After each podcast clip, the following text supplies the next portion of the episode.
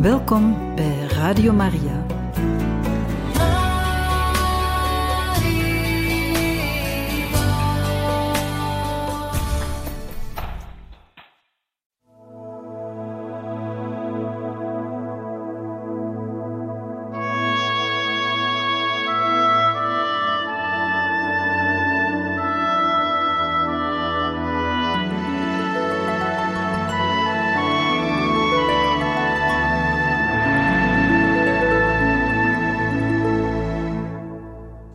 We waren bezig met de stamboom van Paus Johannes de 23ste.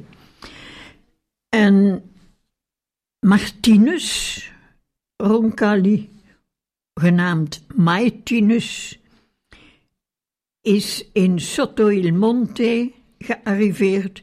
Hij heeft drie kinderen. Dat was rond 1616.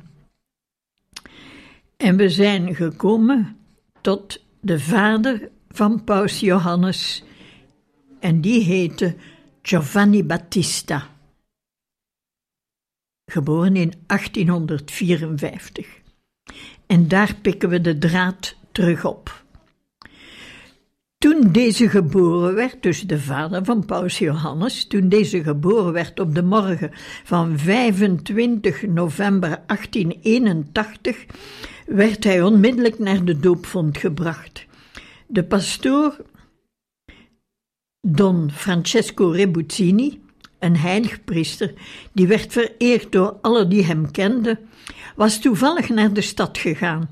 Men moest dus op zijn terugkeer wachten, terwijl de vader zeer verheugd over het feit dat hem na drie meisjes dit jongetje geboren was, naar het stadhuis was gesneld om hem in het gemeenteregister te laten inschrijven. Het doopsel werd nog diezelfde avond van de 25 november zonder speciale plechtigheid toegediend in de kerk van Santa Maria van Brusico, die naast het huis van de Roncallis gelegen was, een oude kerk die diende als parochiekerk in plaats van de oudste parochiekerk van de heilige Johannes de Doper, die later afgebroken is en die lag op de gelijknamige heuvel die moeilijk te bereiken was. Interessant is de doopakte, opgetekend in het register van de parochie. Citaat: Anno miles octin, octuag primo, primo die, 25 november, ego Franciscus Rebuzzini par, hui, ecclesiae San Johannes Baptiste sub montis baptisavi infantem hodie natum ex legitime coniuga io Battista Roncalli e Mazzola Mariana e Brusico huius cum impositum est nomen Angelus Joseph.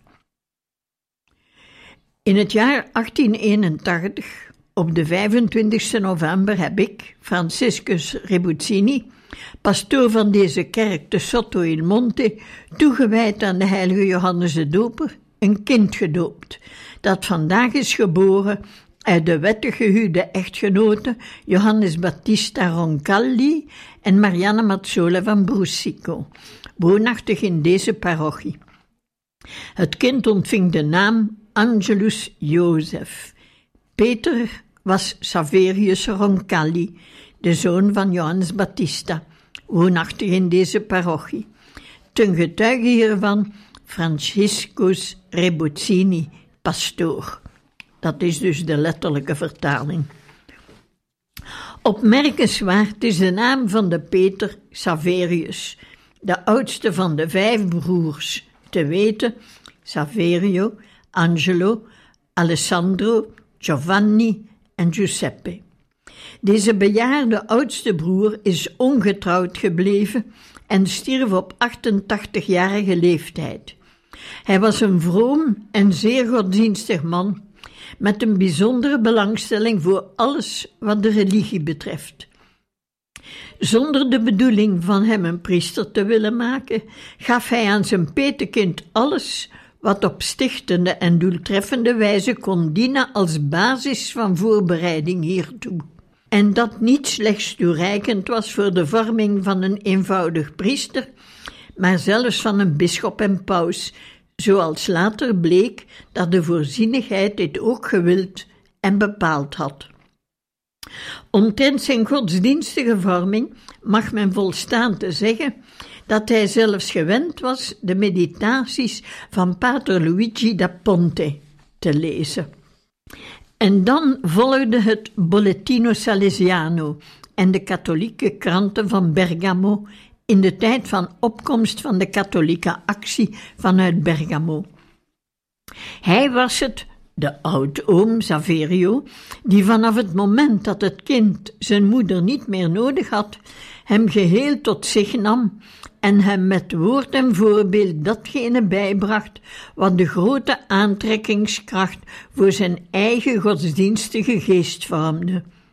De toegewijde zorgen van de ouders, van de vader Giovanni Battista, en de vrome, eenvoudige en werkzame moeder Marianna Mazzola, en eveneens de omstandigheden van een gezin dat van jaar tot jaar talrijker werd, werkte mee tot het ontstaan van dezelfde gevoelens. O, wat voor een moeder! Welk een eenvoudige en zuivere ziel, die tot in haar hoge ouderdom de liefde en de verering van haar tien kinderen en de gehele parochie wist te behouden. Wij moeten nog opmerken dat in dezelfde familie Roncalli ook een neef van Battista leefde, Luigi, zoon van Alessandro met zijn vrouw Angelina Carissimi geheten, zelf ook moeder van tien kinderen, zodat er in het gezin van de familie Roncalli, het talrijkste van de streek, dertig monden driemaal per dag gevoed moesten worden. Maar God voorzag in alles. De goed bewerkte landerijen verschaften koren en wijn. De beesten in de stal gaven melk en melkproducten. De vreze Gods die de orde handhaafde, zorgde voor de kalme vreugde van een gemeenschappelijk leven dat opging in het werk, in goed doen, in wederzijdse eerbied en in nooit verstoorde huiselijke en christelijke vrede. S'avonds, iedere avond, was het de oude oom Saverio die als hoofd van het gezin de rozenkrans voorbad. Alle antwoorden en zij vormden een koor waarvan de herinnering, na zoveel jaren, het hart nog vertedert. Dit gebeurde tussen de jaren 1880 en 1892, waarin de grote familie noodzakelijkerwijze eens zo groot werd. Er waren alle bijeen, geteld, twintig kinderen, broers en zussen, neven en nichten, precies tien kinderen per familie. De oudste jongen was Angelino, de toekomstige paus, die toen elf jaar was. De oudoom Saverio, de baard, zoals men in Bergamo zegt, en zijn broers Angelo, vader van Battista en grootvader van de toekomstige paus. Alessandro met drie zonen, Luigi Giuseppe, Filippo en Pietro. Giovanni, die later naar Carvico ging, had ook drie zoons, Francesco, Pasquale, Antonio. Giuseppe, zonder kinderen met zijn vrouw Anna Ghisleni, die ongeveer dertig jaar lang ziekelijk was. Zij vormden met elkaar een raad van ouderen van deze uitgebreide familie Roncalli, die altijd een speciale eerbied en sympathie in de gehele parochie en de omgeving genoot.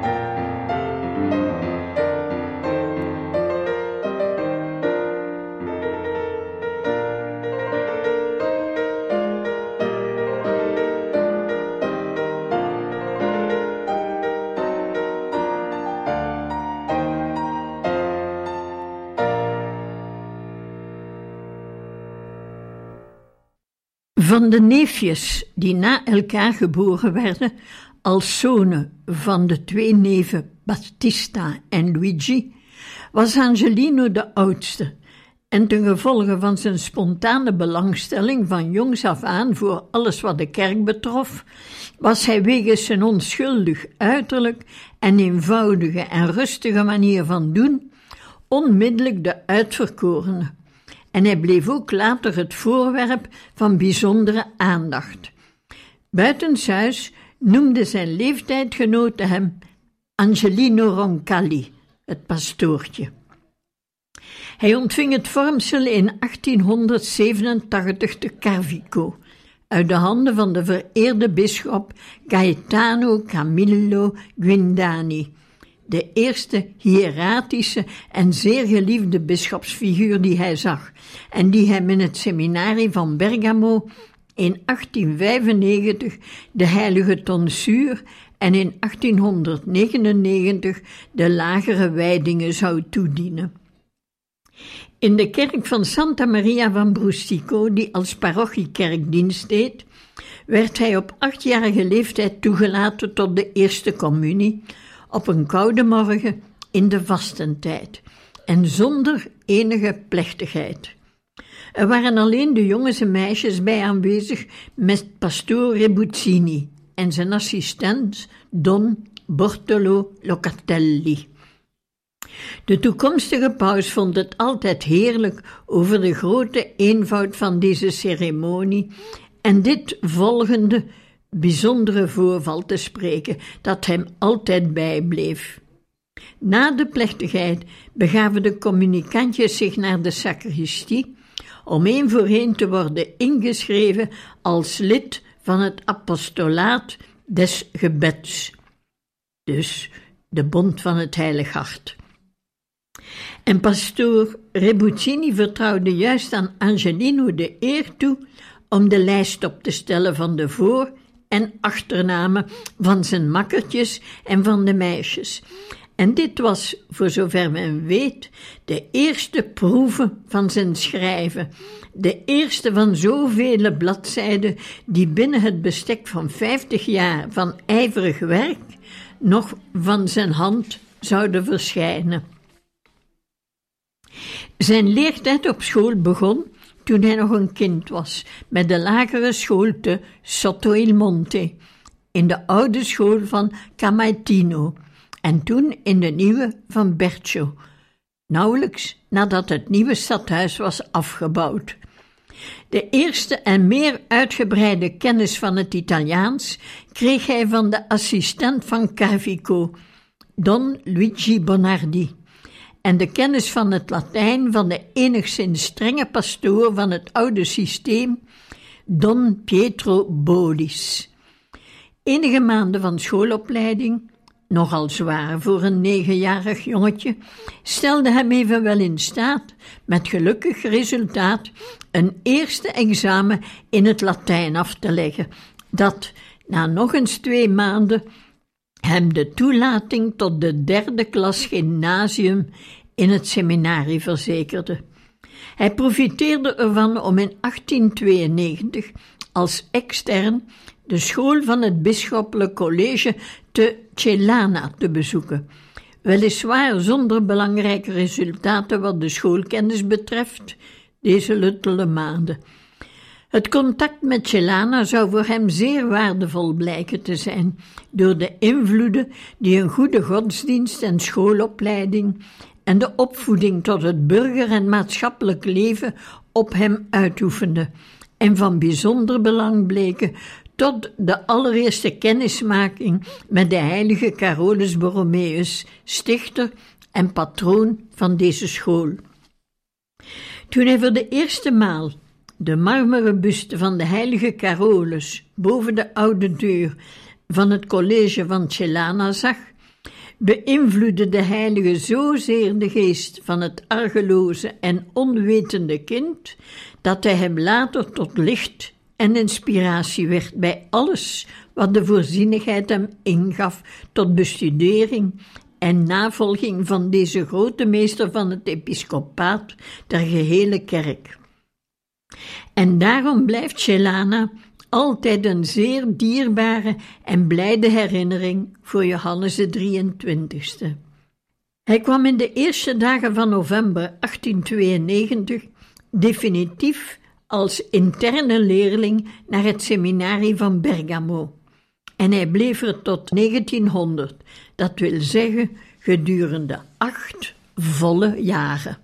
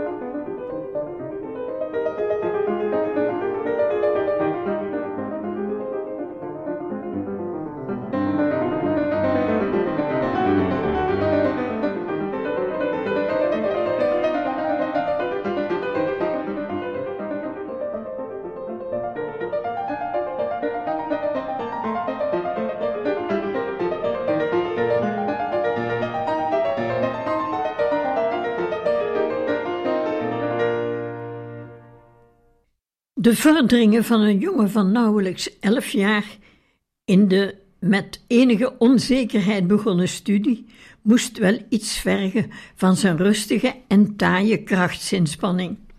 Hij vorderde inderdaad stap voor stap.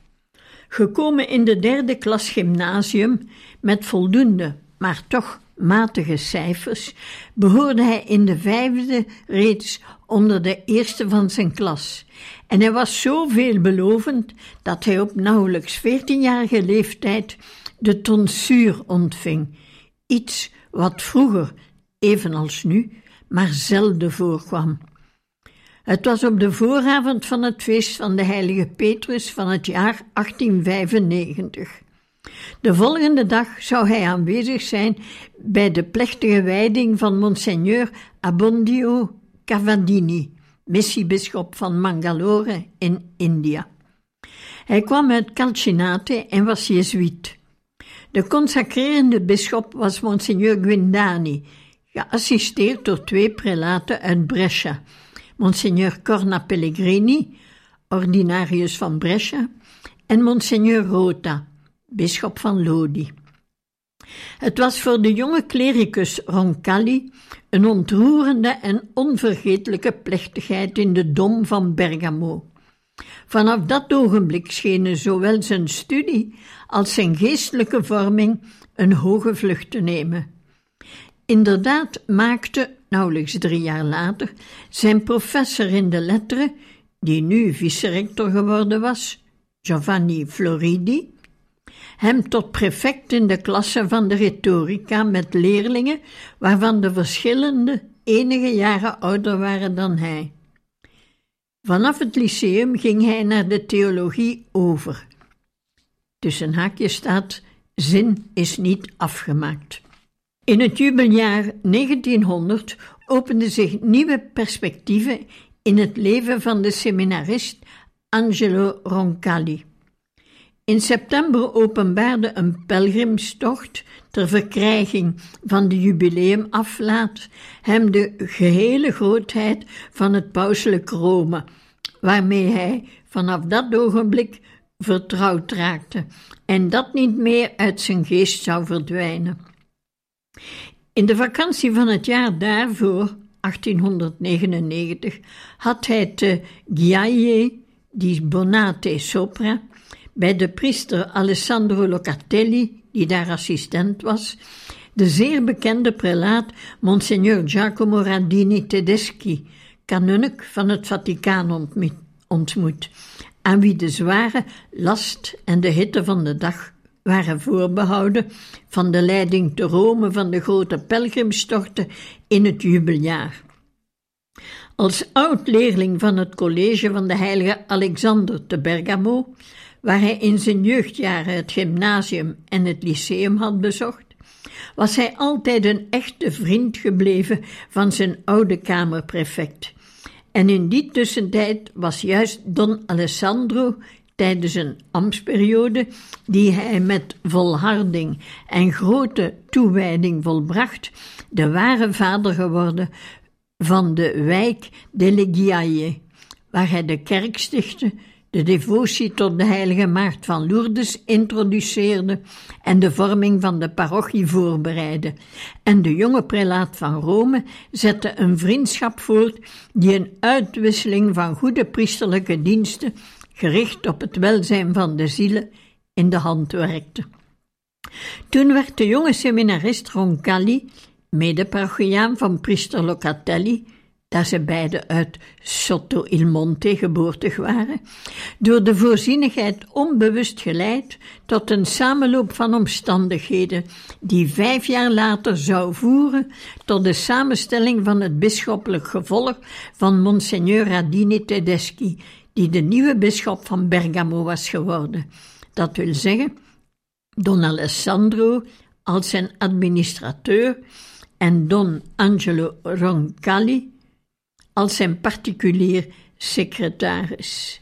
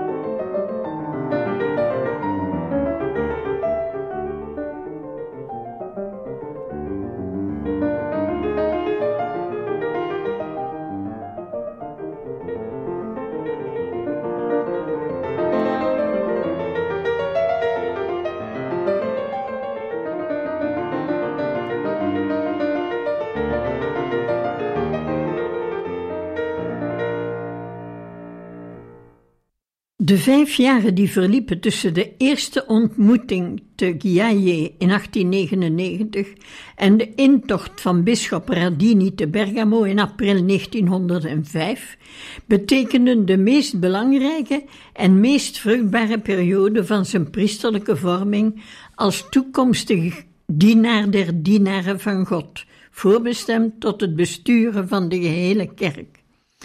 Het diocese van Bergamo beschikte, ten gevolge van een waardevolle testamentaire beschikking van 1640, die ten uitvoer gelegd werd op het einde van de 18e eeuw door de weergaloze verdiensten van een voortreffelijk prelaat van dit diocese, Monseigneur Flaminio Cerasola, over een college in Rome, Nobile Collegio Cerasola, voor kerkelijke studie ten behoeve van enkele jongelui uit Bergamo, door de bisschop gekozen en aangewezen door een speciaal comité van de eerbiedwaardige Archiconfraternita dei Bergamaschi nell'Urbe.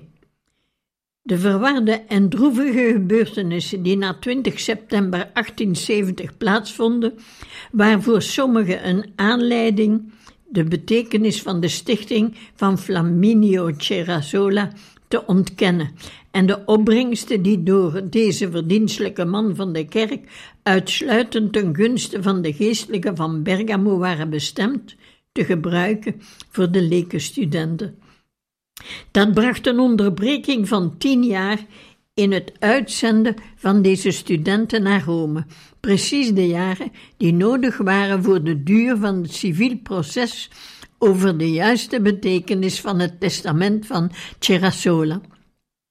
Natuurlijk was het vonnis van het gerechtshof, dat ook in hoger beroep bevestigd werd, geheel en al ten gunste van de bisschop van Bergamo, die het goede recht van het gehele diocese opeiste. In 1900 werden weer voor het eerst leerlingen uit Bergamo naar het pauselijk Romeins seminarie gezonden. Een toeval wilde dat de eerste leerling die uitgekozen en gezonden werd tot het genieten van dit voorrecht, juist de jonge seminarist Angelo Roncalli was, die samen met twee andere seminaristen van Bergamo, Achille Baldini di Boltieri die jong gestorven is, en Guglielmo Carozzi di Cornasco, die gedurende veertig jaar een ijverig en zeer verdienstelijk deken te Seriate was, de edele rij leerlingen voortzetten van de stichting van Cerasola, die reeds opviel door het prachtige werk van een serie priesters die een belangrijke bijdrage aan kostbare diensten aan het diocese van Bergamo en de gehele kerk verleende. Hier mogen volstaan de namen van de kardinalen Agliardi, Cavagnis, Gusmini, van de aartsbisschoppen Signori van Genua, van Gustavo en Giacomo Testa, beide nuntius en apostolisch delegaat, Sigismondi, secretaris van de congregatie van de Propaganda Fide, een zeer belangrijke functie, en van de bisschoppen Arcangeli van Asti en Battaglia van Faenza, om niet te spreken over de andere priesters die alle in het oog vielen en die in de verschillende opdrachten van hun heilig ambt vanuit Rome in de heilige congregaties of in de diocese van de curie, in het seminarie en in de parochies hoge achting en grote verdiensten vergaarde voor een diocese van de heilige Alexander. Deze tweede reeks leerlingen van de stichting van Cerasola, die geopend was door de seminarist Roncalli en zijn twee leeftijdgenoten Baldini en Carozzi, droeg reeds spoedig het teken rijk gezegend te zijn. Don Achille Ballini beëindigde na weinige jaren zijn aardse loopbaan maar lang genoeg om in de katholieke en sociale actie en in de uitoefening van het heilig ambt ten bate van de zielen, onder andere was hij priester in Loreto en in Borgo Canale in Bergamo, rijke bewijzen van prijzenswaardig priestelijke ijver te geven, terwijl Don Guglielmo Carozzi reeds te Rome bekend wegens zijn in het oog vallende successen in de theologie en het kerkelijk recht, aan zijn diocese, na aanvankelijke medewerking in het seminarie en in de curie, ruim veertig jaren pastorale dienst als deken van Seriate kon schenken, algemeen bewonderd en geëerd, en steeds in het volle bezit van zijn levendige en intense geestkracht.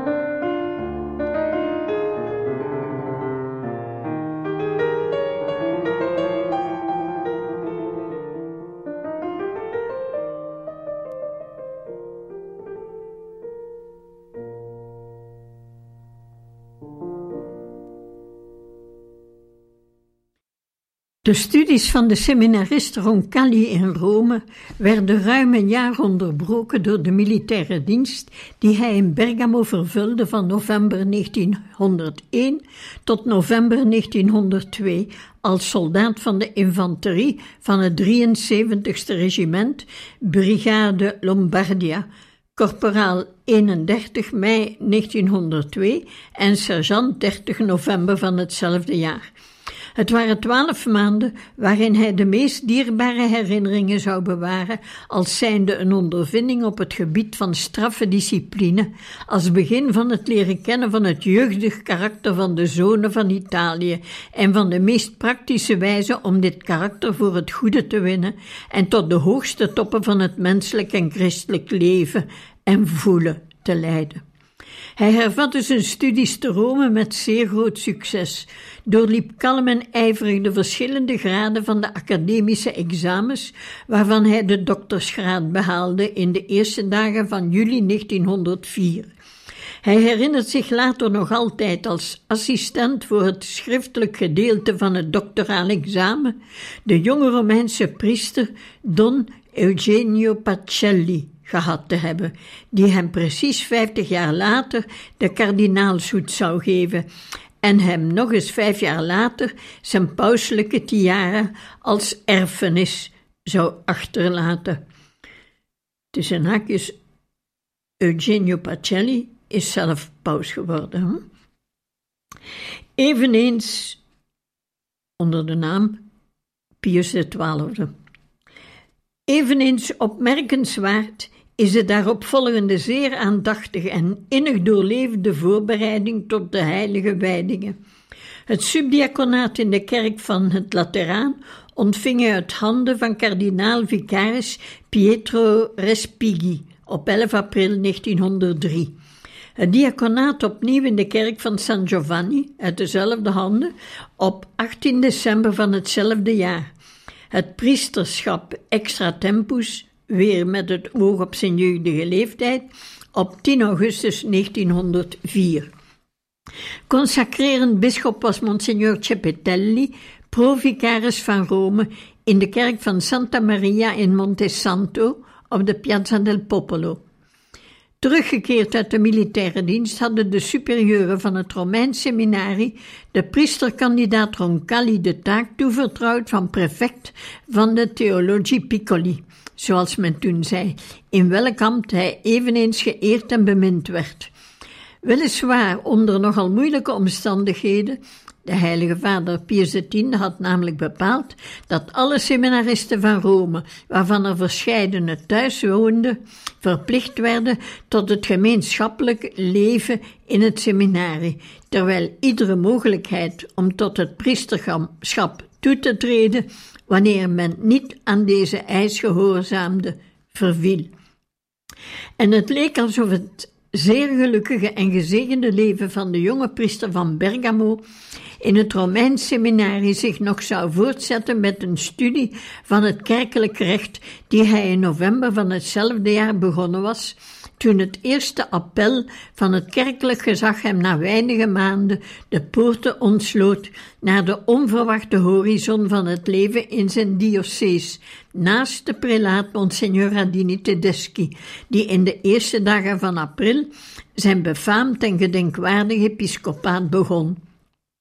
Toen de Heilige Vader Pius X tegen het eind van deze van december 1904 aan Monsignor Radini Tedeschi zijn voornemen toevertrouwde hem naar Bergamo te zenden als opvolger van Monsignor Guindani, zei hij hem: Ik dank u dat gij het hebt aangenomen. Gij gaat naar Bergamo. In zaken die een bisschop vreugde kunnen bezorgen, komt Bergamo op de eerste plaats van de Italiaanse bisdommen. De karakteristieke eigenschap van het bisdom Bergamo was de diepe religieuze traditie, gevoed door de ijver van een klerus die erop uit was de vorming, tussen haakjes, onvolledige zin, hier eindigen de aantekeningen en hier eindigt ook dit hoofdstuk.